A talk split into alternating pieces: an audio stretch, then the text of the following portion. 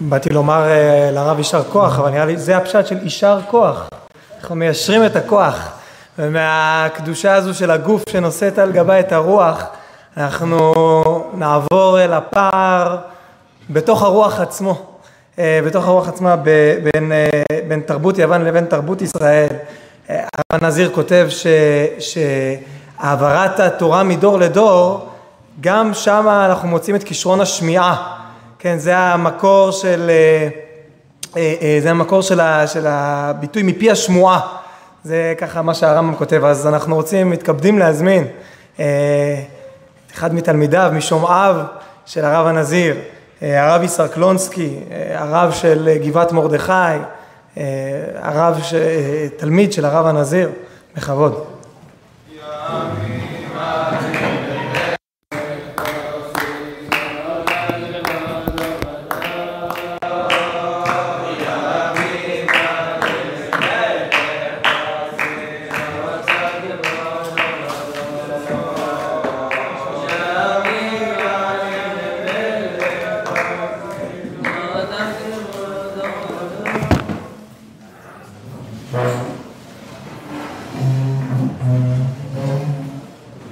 הפותח, מי זה הפותח?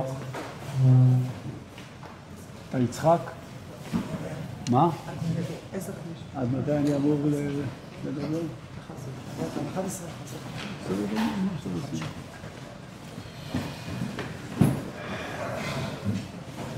שלום. לפני הכל אני חייב להגיד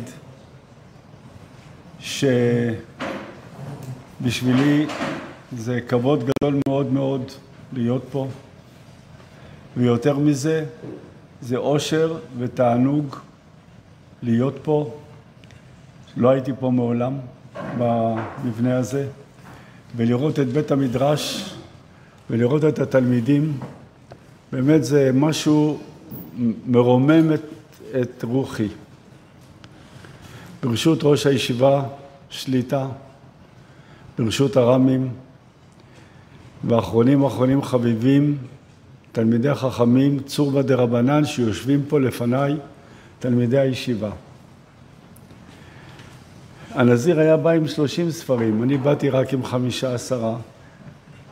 תרשו לי לסדר קצת את עצמי בעניין. אצל הרב הנזיר היה מאחורי הגב שלו חלון, חלון ירושלמי עתיק. בחלון הירושלמי העתיק הזה היו מונחים כל הספרים שהוא מתכונן לקרוא בהם בשיעור עם סימניות מיוחדות, אה, אה, מה הוא הולך לקרוא בשיעור הזה.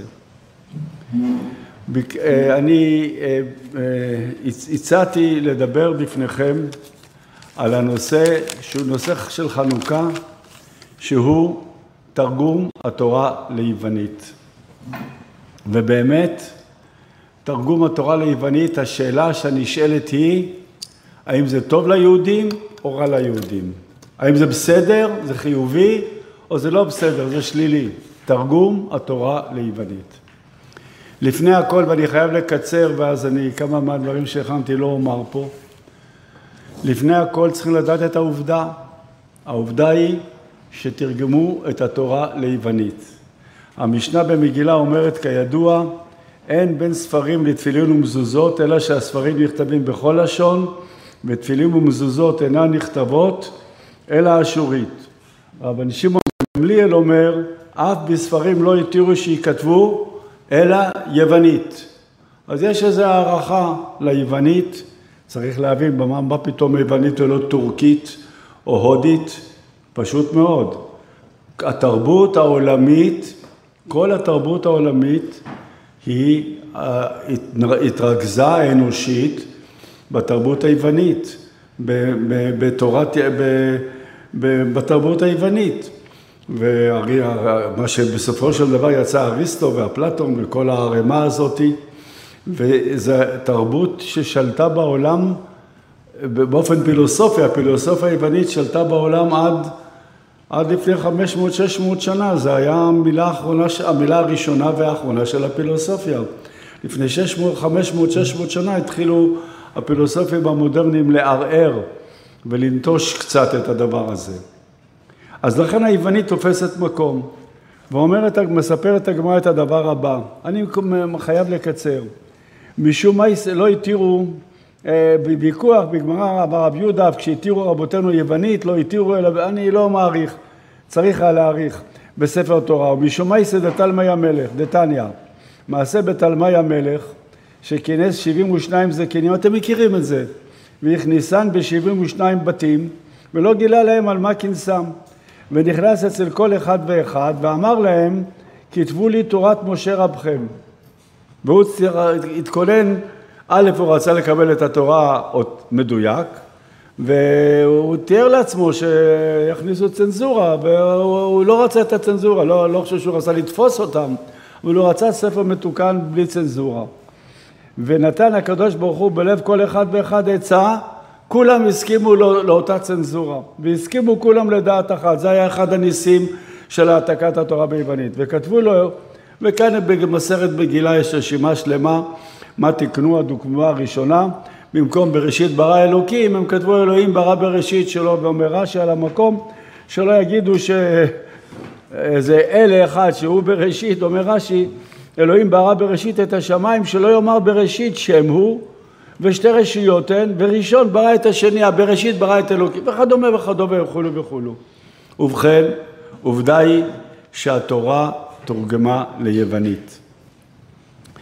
להלכה, אם באמת כמו שהמשנה, כאן מחזיק את ההלכה ברורה, מביא אה, מרן הרב זצ"ל כאן את פסקי ההלכה, תרגום אה, אה, אין כותבים תפילין ומזוזות אלא בכתב אשורית והתירו בספרים לכתוב אף ביווני בלבד, הוא כבר נשקע יווני מן העולם והשתבש ועבד. לפיכך אין כותבים היום שלושתם אלא אשורית. התרגום התורה ליוונית לא מצוי בידינו במדויק, הוא נשקע, הלך לאיבוד, ואם יש היום תרגום ליוונית, ויש לרומית והבולגטה ותרגום השבעים, כל מיני סיפורים, כל מיני תרגומים, זה לא הדבר הזה שהמשנה מדברת עליו להתיר אותו.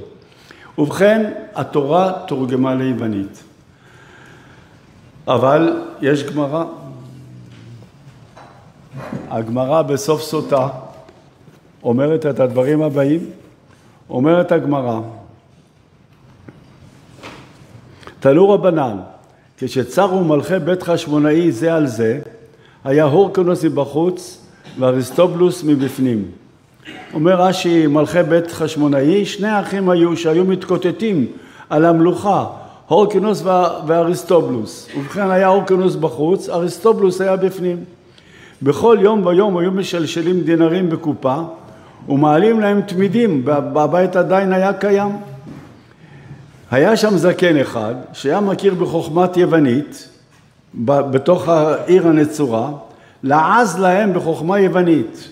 אמר להם, אתם רוצים לנצח, אתם שנמצאים בחוץ, הורקנוס, כל זמן שאנחנו בפנים עוסקים בעבודה, אין נמסרים בידכם. אנחנו, אתם שולחים קורבנות. הקורבנות, זה, זה, זה נותן לנו ניצחון. למחר שלשלו להם אה, דינרים.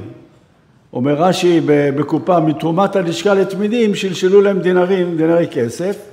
והיה שם זקן אחד, אומר רש"י, מבפנים, ולעז להם, לאותם שבחוץ, את הדבר הזה, הוא, הוא, הוא לעז להם. מה? אה, אחד שהיה מכיר בחוכמת יוונית, לעז להם בחוכמה יוונית, כל זמן שעוסקים במדען ישראל וידחה למחר, שישאלו להם דינרים בקופה, והעלו להם חזיר. כיוון שהגיע לחצי חומה נעץ ציפורנה, ויש תיקון, נעץ תיקונה אה, אה, ציפורנה בחומה, ונזדעזעה ארץ ישראל 400 פרסה על 400 פרסה, אותה שעה, ארבע פרסה ארבע מוסם. אותה שעה אמרו, להלכה זה מופיע, ארור אדם שיגדל חזירים, וארור אדם שילמד לבנו חוכמה יוונית. רגע, לפני כן אה, כתבו את התורה, אישו לנו רק אנחנו לא הלך לאיבוד על אוכלי מעשה, אבל באמת אה, אפשר היה לכתוב בספרים ביוונית. ופה פתאום ארור אדם שלמד בנו יוונית. שאלה זו נשאלה הריבש. והריבש בתשובה כותב את הדברים הבאים. כותב ריבש, רבי, רבי, רבי יצחק בר ששת, הריבש. מה ששאלת, מהי חוכמה יוונית אשר התרחק האדם, ואם הם אותם הספרים המפורסמים בעולם כשם הטבעי ומה שאחר הטבע, בעברית שלנו, אותם ספרים של הפילוסופיה היוונית, האם הם אה, זה שעל זה נאמר שארור אדם שילמד חוכמה יוונית, יתרחק האדם, גזרו שלא? תשובה. ממה שמוזכר שם בפרק האחרון מסוטה ובבבא קמא ועוד שעשו על דבר שכשהייתה ירושלים במצור היו משלשלים להם בכל יום מן החומה קופה של דנרי זהב, היו מעלים להם תפיסים, והיה שם זקן אחד שמכיר חוכמה ולעז להם בחוכמה יוונית, על זמן שאתם עוסקים, כל מה שאתם עוסקים בעבודה וכולו יקשו שם. איני ואמר מר בארץ ישראל לשון סורסי למה אלא או לשון הקודש או לשון יווני ותרצו, הגמרא שם לא קראתי את הסוף שלה, לשון יווני לחוד וחוכמה יוונית לחוד. מה הכוונה שואל הריבש? ואז הוא אומר, ואני לא עוד פעם רוצה לא להעריך, לפרט בפרט, בפרטנות, הוא ממציא, הוא מחדש שחוכמה יוונית זה, זה שפת סתר. חוכמה, זה, זה נקרא לעז להם, הוא אומר. שפת סתר כזאתי, שאנשי המלכות היו משתמשים בשפה דיפלומטית, דיפלומטית שהיא גם שפה דיפלומטית וגם שפת סתר, שהיו משתמשים בזה בבית המלכות, והתירו לבית מלכות גם בישראל להשתמש בחוכמה יוונית לרבן גמליאל, כדי ש... כי, כי ככה מתנהגים במלכות, אבל זה לא לשון יוונית. זה לא שאסור לדבר יוונית ולא שאסור ללמוד כתבי הקודש ביוונית. אה, זה דבר אה, ייחודי, והוא מדייק, הריבש מעריך, רמז להם, רש"י זיכרונו לברכה פירש, חוכמה יוונית רמיזות, אז הוא מסביר מה הכוונה של רש"י רמיזות, הוא מעריך בדבר הזה, תכלס ספרי הטבע המפורסמים לא מן השם הוא זה. זה לא חוכמה יוונית, זה שפה יוונית, ובזה אפשר להשתמש בשפה יוונית. ולכן בספרי הפילוסופיה היוונית אין מניעה מהתקנה הזאת שגזרו לא לעסוק בחוכמה יוונית, אין מניעה בזה מלעסוק בספ... בפילוסופיה היוונית ובספרי הפילוסופיה של אריסטו ושל אפלטון וכדומה והרחבה והרחבה.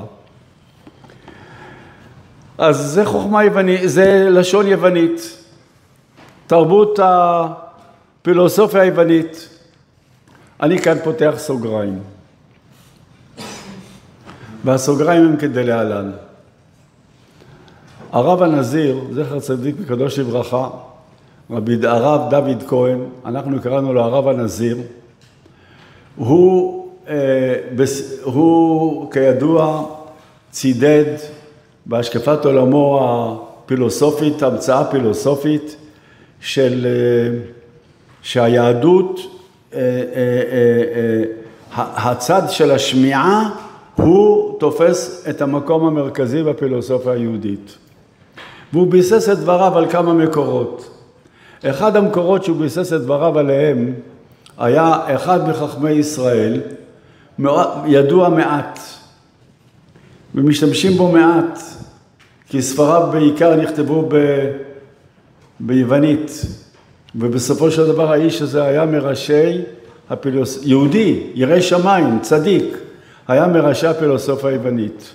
האיש הזה הוא פילון האלכסנדרוני. פילון האלכסנדרוני, פילון זה אוהב חוכמה. מי שהבליט את, איש... את האישיות שלו, הוא קצת שנוי במחלוקת, בלחייב או לשלול. הרב הנזיר מסתמך עליו הרבה. מי שהבליט את האישיות שלו מאוד ודן באישיות שלו, היה אדם אחר שנמצא במחלוקת, מחכמי ישראל הגדולים הענקיים, אבל שהוא נמצא במחלוקת קשה. וזה רבי עזריה מן האדומים, אחד מחכמי ישראל, רבי עזריה ברברוסה, רבי עזריה מן האדומים, שהוא כתב ספר מאור עיניים. בספר מאור עיניים שלו רבי עזריה מבליט את אישיותו דן באישיותו של פילון. נכון שלגבי הספר הזה מאור עיניים יש כאלה ששוללים אותו ונלחמים נגדו מאוד, כי רבי עזריה חידש שם כמה דברים לא כפי חז"ל. בתוך דיוק, בתוך עיון רב בפילוסופיה הכללית והיוונית, ולכן יש המהר"ל, צעקנו הוראות מי שמחזיק את הספר שלו, אבל לעומת זה תלמידו של המהר"ל, התוספות יום טוב, לא פעם מצטט דברים, נסמך על רבי עזריה מן האדומים. משמע שהוא צעק, הוא צעק אה, לתת לנו מוסר, אבל לא בדיוק הוא התכוון לזה, ויש עוד, ויש כאלה שהתנגדו ביותר. ואני מחזיק פה, זה ספר לא כל כך מצוי, ואני מחזיק פה את ספר מאור עיניים של רבי עזריה מן האדומים, אם מותר לי, ואני אקרא לכם רק כמה מילים פה, להסביר לכם את הגישה שלו אל האישיות הזאת ששמה רבי ידידיה, פילון האלכסנדרוני, ידידיה אלכסנדרוני. כותב הבעל המאור עיניים, רבי עזריה ברברוס, את הדברים הבאים. אני אמצא לכם בפרק ד' באמרי בינה, זה חלק של ספרו, הדברים הטובים אשר נמצאו בידידיה הנזכר, נאותים לתורתנו. איפה בדברי אה, אה, רק שנעשה היכרות עם האיש.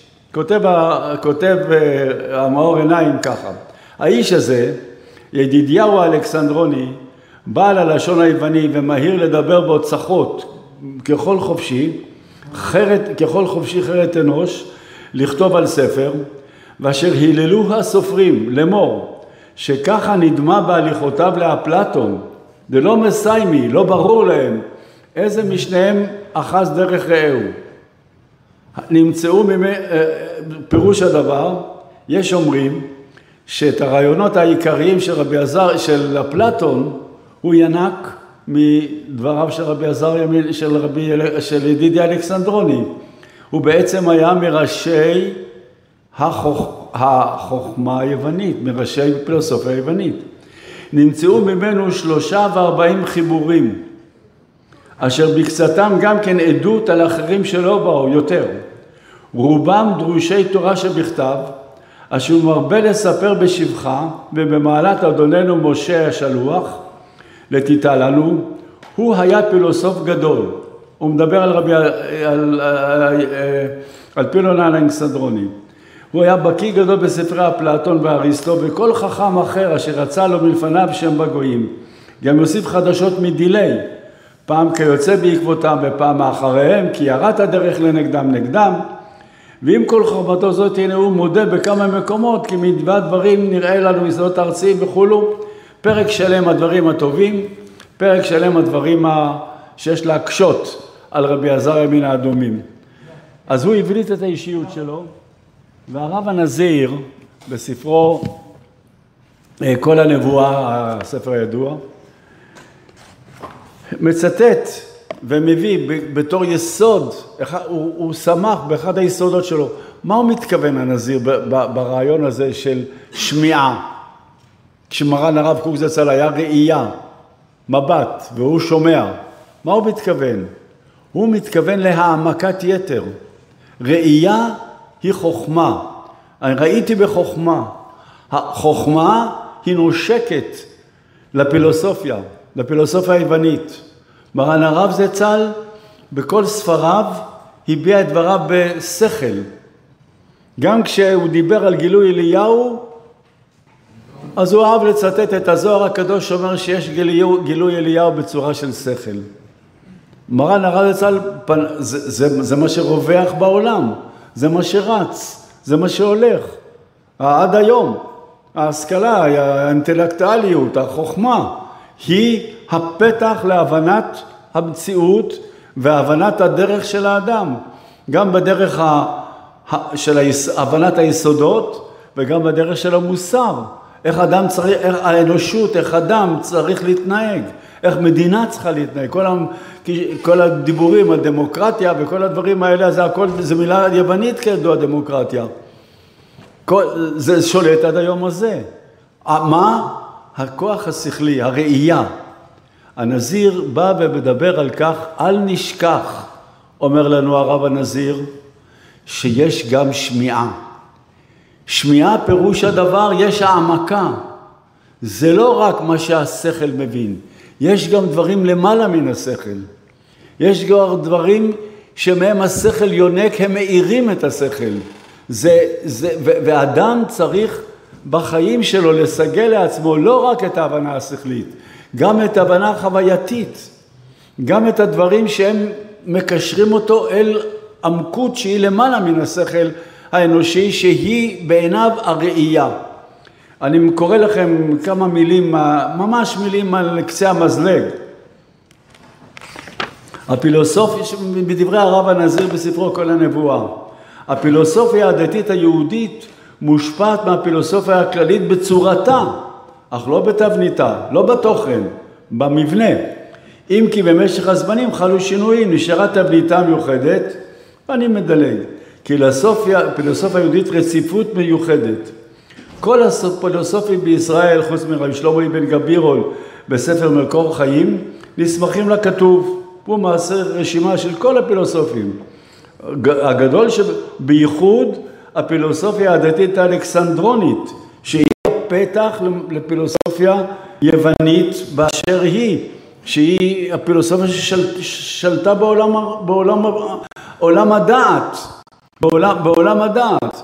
אז היא נסמכה על התורה, כל ספריו של רבי, של ידידי אלכסנדרוני של פילון, הם פרשנות לתורה. נכון, זאת פרשנות לא פשטנית, זאת פרשנות דומה למדרשית, זאת, פשטנ... זאת פרשנות אליגורית, פרשנות משלית, אבל המשל הוא פתח למעלה, המשל הוא הדרך להביע דברים שמאוד עמוקים, ואתה יכול להביע אותם בהבעה, אבל אתה מצפה ללמעלה מן ההבעה. אתה מדבר על דבר מובן, והוא משל לזה שאתה צריך להעמיק יותר ולהבין יותר בעמקות את מציאות השם, את המוסר, את העולם, את, את הנהגת השם, את העולם וכדומה. ולכן מה שקובע את המקום נוסף, למשל, על, על, על, שהנזיר, חוכמה עברית אה, באמרה קצרה, במשל, משלי שלמה, במקום אחר אומר הנזיר פה, בהתייחסו לידידיה אלכסנדרוני, דרך משלית זו מיוחדת לחוכמת ישראל בכל תקופותיה, לפילוסופיה היהודית העתיקה והחדשה, לאלכסנדרונים, לספרדים, כל חוכמי ישראל בספרד, למקובלים, להוגי דעות אלוקים חדשים, הכל עם מקורות. אה, הדרך אה, אה, הרב דלמה, והוא מעריך פה בהתייחסות לרבי דידה אלכסנדרוני. אני פתחתי סוגריים, כעת אני סוגר את הסוגריים. דיברתי איתכם, גילינו פה, אם אפשר להתבטא ככה,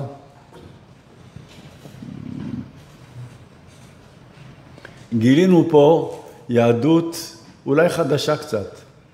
יד... אם אנחנו בחנוכה כל כך נלחמים במתייוונים וכל כך תקפנו, תוקפים בצדק את המתייוונים, את היהודים שרוצים להפוך את היהדות למתייוונת, לקבל עליה את התוכן היווני, גילינו פן חדש. גילינו פן של יהדות יוונית נאמנה לתורה, אולי אפילו מעמיקה יותר בתורה. שיהדות שלמה שהתפתחה, ידידיה הוא רק נציג, הייתה יהדות שלמה.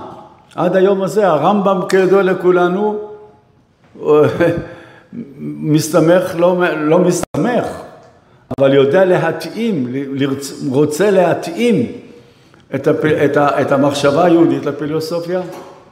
הרמב"ם לא כתב, י"ד ביד החזקה שלו, הספר הראשון הוא מדע, והספר השני הוא אהבה. הוא לא פתח בספר אהבה, שמתוך אהבה מגיעים לדעת את השם. איך, איך מגיעים לה, לאהבת השם? מתוך ידיעה, כך, כך פותח הרמב"ם במצוות אהבת השם בפרק, בפרקים הראשונים של אה, יסודי התורה. עם נטייה רבה למצ... לפילוס... ו... ו... ו... למה זה טוב? למה זה חיובי? כי זה מראה שההשקפה היהודית יש לה, מתקבלת בעולם כולו. אנחנו משפיעים על ידי זה על העולם כולו. ידידיה אלכסנדרוני לא רק היה חכם ישראלי, יש אומרים המאור עיניים, הרבי עזריה מביא שרבי ידידיה אלכסנדרוני היה כהן שהקריב בבית המקדש, כשהוא עלה לארץ הוא הקריב בבית המקדש, היה לא רק הפילוסופיה הזאת היא איך היהדות יכולה להשפיע על האנושות כולה. זה הערך הגדול שה, של ההקבלה בין היהדות שהרמב"ם עוסק בה ועוד כל אה, רב סעדיה גאון וכהנה וכהנה. סגרתי את הסוגריים. עכשיו אני מגיע לדבריו של מרן הרב קוק זצ"ל. מרן הרב הוזמן בשעתו לדבר שנקרא הנחת אבן הפינה לאוניברסיטה העברית. הנחת אבן הפינה לאוניברסיטה העברית בהר הצופים היה מאורע ציון דרך בהתקדמות היהד, היהדות הארץ ישראלית לקראת תחייה. זה היה אחד מאבני הדרך המרכזיים, יש לנו גם אוניברסיטה, לא רק בפראג יש אוניברסיטה, ולא רק בגרמניה יש אוניברסיטאות, יש אוניברסיטה עברית. ועומדים לשים את אבן הפינה בהר הצופים. וכשהניחו את אבן הפינה בהר הצופים, הגיעו, לא, זה היה מאורע כזה גדול, שהגיע אליו לא פחות מאשר הלורד בלפור בכבודו ובעצמו, והלורד אלנבי שהיה מפקד הצבאי שכבש את ארץ ישראל מידי הטורקים, והרב הראשי של אנגליה היה הרב הרץ, וכהנה וכהנה. היה איש אחד, סיפר לי, איש מבוגר מאוד, סיפר לי פעם, אני הלכתי ברגל ממטולה, כך הוא סיפר לי. אני הלכתי ברגל ממטולה להר הצופים שלושה ימים כדי להיות, להשתתף בטקס הנפלא הזה של ההתקדמות של התחייה לקראת הקמת האוניברסיטה. גם הרב קוק הוזמן. יש הרבה, אפשר לדבר על זה מסביב ולא על זה אני רוצה לדבר. והרב קוק אמר שם דרשה. נכון שהעולם החרדי תקף אותו מאוד על כך, כי העולם החרדי ראה בזה כאילו הרב קוק נותן אה, לגיטימיות לאוניברסיטה שצריך לחשוש מאוד מפני ההתייחסות שלה ליהדות. בלימודים כלליים ובוודאי ובוודאי צריך לחשוד בה בקושי בלימודים תורניים, את, את, את, את קתדרה לתלמוד ותנ"ך אה, בטח יהיה ביקורת המקרא וכל מיני כאלה. והציבור החרדי תקף מאוד את הרב על ההופעה שלו שם ועל הדברים שלו כי הוא גם לא שמע מה הוא אמר. עד כדי כך שהיו צריכים להוציא את זה בחוברת בפני עצמה קטנה. גם החוברת תפילה לדבר הזה. אה, חוברת קטנה מיוחדת, אני, יש לי את החוברת הקטנטנה ביד, לא פה, שדברי הרב קוק בפתיח, בפתיחת המכללה, בהנחת אבן המכללה העברית. והנה שם פותח הרב את הדברים בדברים הבאים.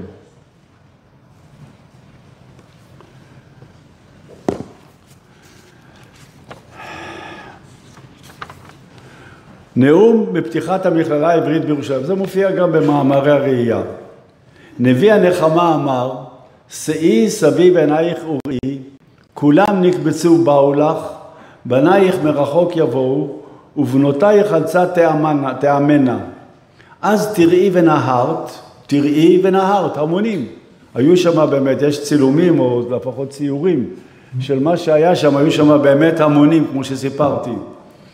בשטח של הר הצופים. אז תראי ונהרת, נהרת תשמחי, נהרה, ופחד ורחב לבבך, כי יהפך עלייך המון ים, חיל גויים יבואו לך.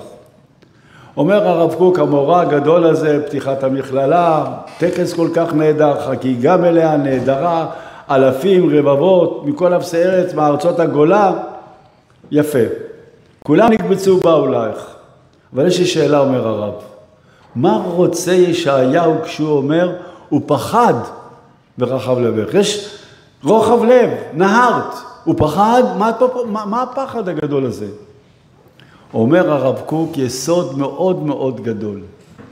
שתי גישות היו, כך זה במאמר שלו הזה, שתי גישות ביהדות היו לתרגום התורה ליוונית. שתי גישות.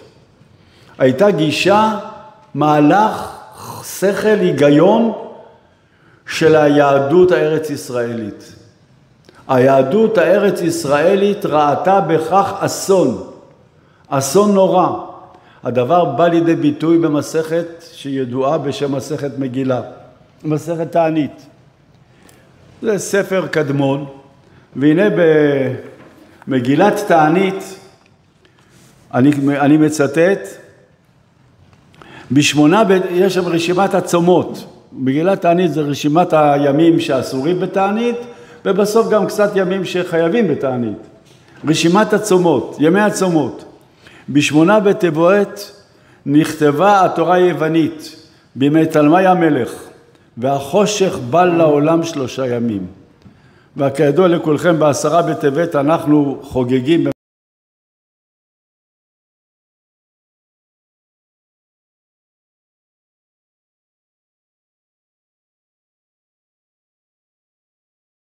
אומר הרב קוק, ככה בדיוק התייחסה היהדות הארץ ישראלית. אסון גדול בתרגום, למה זה אסון? מובן מאליו. התורה יש לה שבעים פנים. כשמתרגמים לשפה אחרת, אפילו ליוונית שתהיה היוונית השפה הכי מוצלחת. אפילו כשמתרגמים ליוונית, זה מאבד את כל, 90 אחוז מהערך שלו. מבינים את התוכן, את המילים, ויאמר השם למשה לאמור, את זה הבנו ביוונית. אבל בתורה יש כל, בקוצו של י', בקוצה, בטעמים ובקוצה,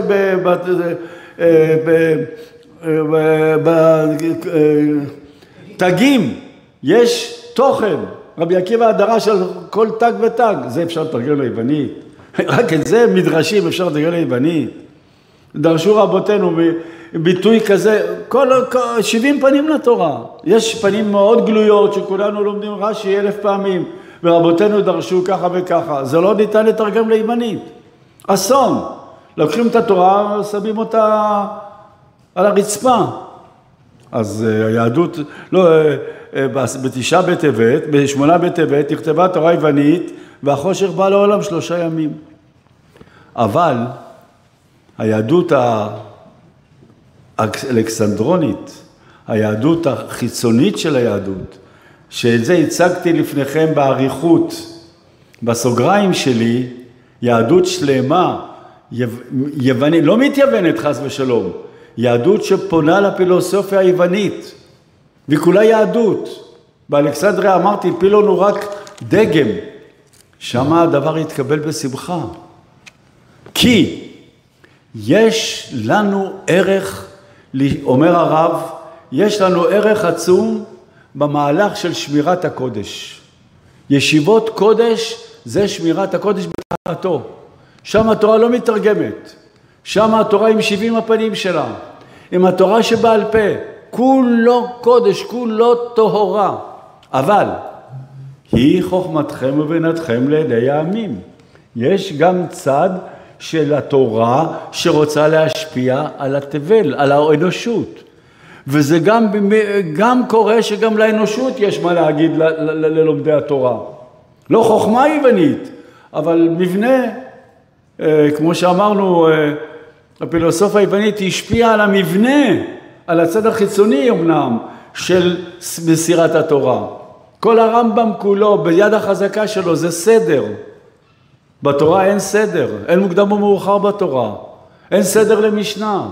אתם יודעים את הסדר בתלמוד, סדר אסוציאטיבי, מסכת מגילה, אין בין, אין בין אדר ראשון לאדר שני, אין בין טומאה, בין אה, שילה לירושלים, אין בין אה, מצורע מוסגר למצורע אה, מוחלט. זה הסדר האסוציאטיבי. זה, זה, זה הברקות רוחניות. זה, זה, זה, זה יותר יהדותי. אז, אבל, אבל, אבל אנחנו היום, היום לא יכולים ללמוד ככה. אנחנו, לא ייתנו לנו הרצאה מסודרת, מה הנושא, על מה, זה, זה הכל פילוסופיה חיצונית, ויש לזה ערך, ככה אנחנו גם היום לומדים. המאירי ספר כל כך נחמד, בגלל שהוא סדרן עצום. הרמב"ם היה אחד הקומפלימנטים, המחמאות היותר גדולות לרמב"ם, סדר. זה הכל לקחנו מה, מה, מהתורה היוונית, מהפילוסופיה. ובכן, יש ליהדות מה למכור וגם מה לקנות. אומר הרב קוק, שני המהלכים האלה, מהלך האחד שכולו קודש, זה מגילת תענית. התורה נתרגמה ליוונית, בא חושך לעולם שלושה ימים. אבל זה שיהדות יוונית עד היום קיבלה את התורה בצורה כללית, עם, עם, עם מבט כללי, וגם קיבלה לתוכה, וגם ידעה להוציא, למכור לעולם. איך ה... אני לא רוצה פה דווקא להדגיש את הרמב"ם הזה על אה, שבחו, לא שבחו, ישו, בא, בא ישו ואותו האיש המשוגע להגיד לעולם שכבר יש משיח, גם בקצוות תבל אה, יש משיח. יש מקום לדבר הזה, אבל כאן אומר הרב קוק, זה אני אגיד לכם משהו. כל יהדות שלקחה את התורה והיא הייתה מוכנה להוציא ולהכניס, אם לא השתלט שם הפחד, אם לא יחד עם כל המהלך הזה, לא היה פחד, תשומת לב, זהירות אדירה, זה לא, זה לא יהודי. כל האנשים האלה שלא פחדו, קיבלו את התורה ביוונית ללא פחד, הם היום לא איתנו פה בהר הצופים, אומר הרב קוק. רק אלה שידעו לקחת את הדבר הזה עם פחד, עם זהירות, עם תשומת לב, כן, בסדר, אבל כל הזמן להסתכל, להיות אחראי, לשים לב, לשים לב למה שקורה. רק ככה אפשר ללמוד בתורה היוונית.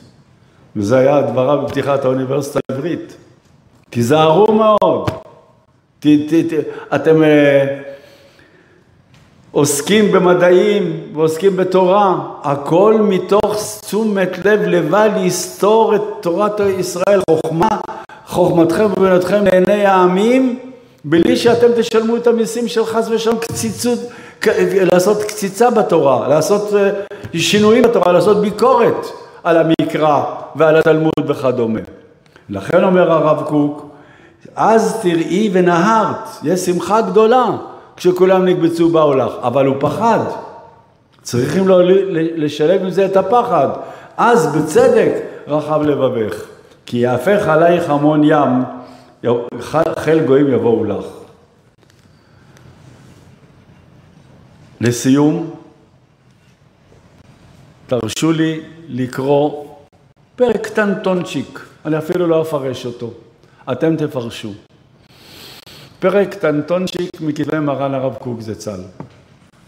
כותב הרב את הדברים הבאים, זה מופיע בספר ערפלי תואר בעמוד מ'. אם יתפאר המדע החדש שישתחרר מהתיאולוגיה, תיאולוגיה זה מדע הדת. אם יתפאר המדע החדש שהוא השתחרר מהתיאולוגיה, צריך הוא לדעת שלעומת זה נשתחררה התיאולוגיה מהמדע. לא משועבדים לכם, לא צריכים להיכנע לכם. אנחנו עצמאיים, תורה היא עצמאית בלי להיות דווקא משועבדת ולהקטין את עצמה להיות במסגרות שלכם. אם יתפאר המדע החדש שישתחרר מהתיאולוגיה, צריך הוא לדעת שלעומת זה נשתחררה התיאולוגיה מהמדע שאסרה בכבלים אנושיים. נכון. אמנם ודאי שם חדש יקרא לעניין העליון. לא שם אשר אנשים יצרוהו, לא משועבדים למדע האנושי ולשכל האנושי. כי אם שם חדש אשר פי השם יקבנו. התיאולוגיה המשוחררת מכבלי המדע היא הנבואה. סגולתם של ישראל שתגלה עלינו במהרה.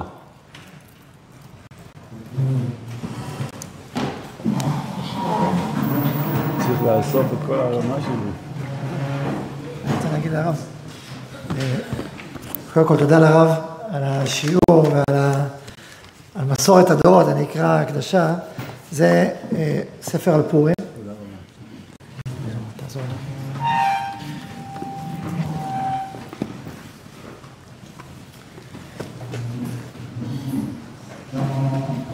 רואים פה את כל הדורות בתיק.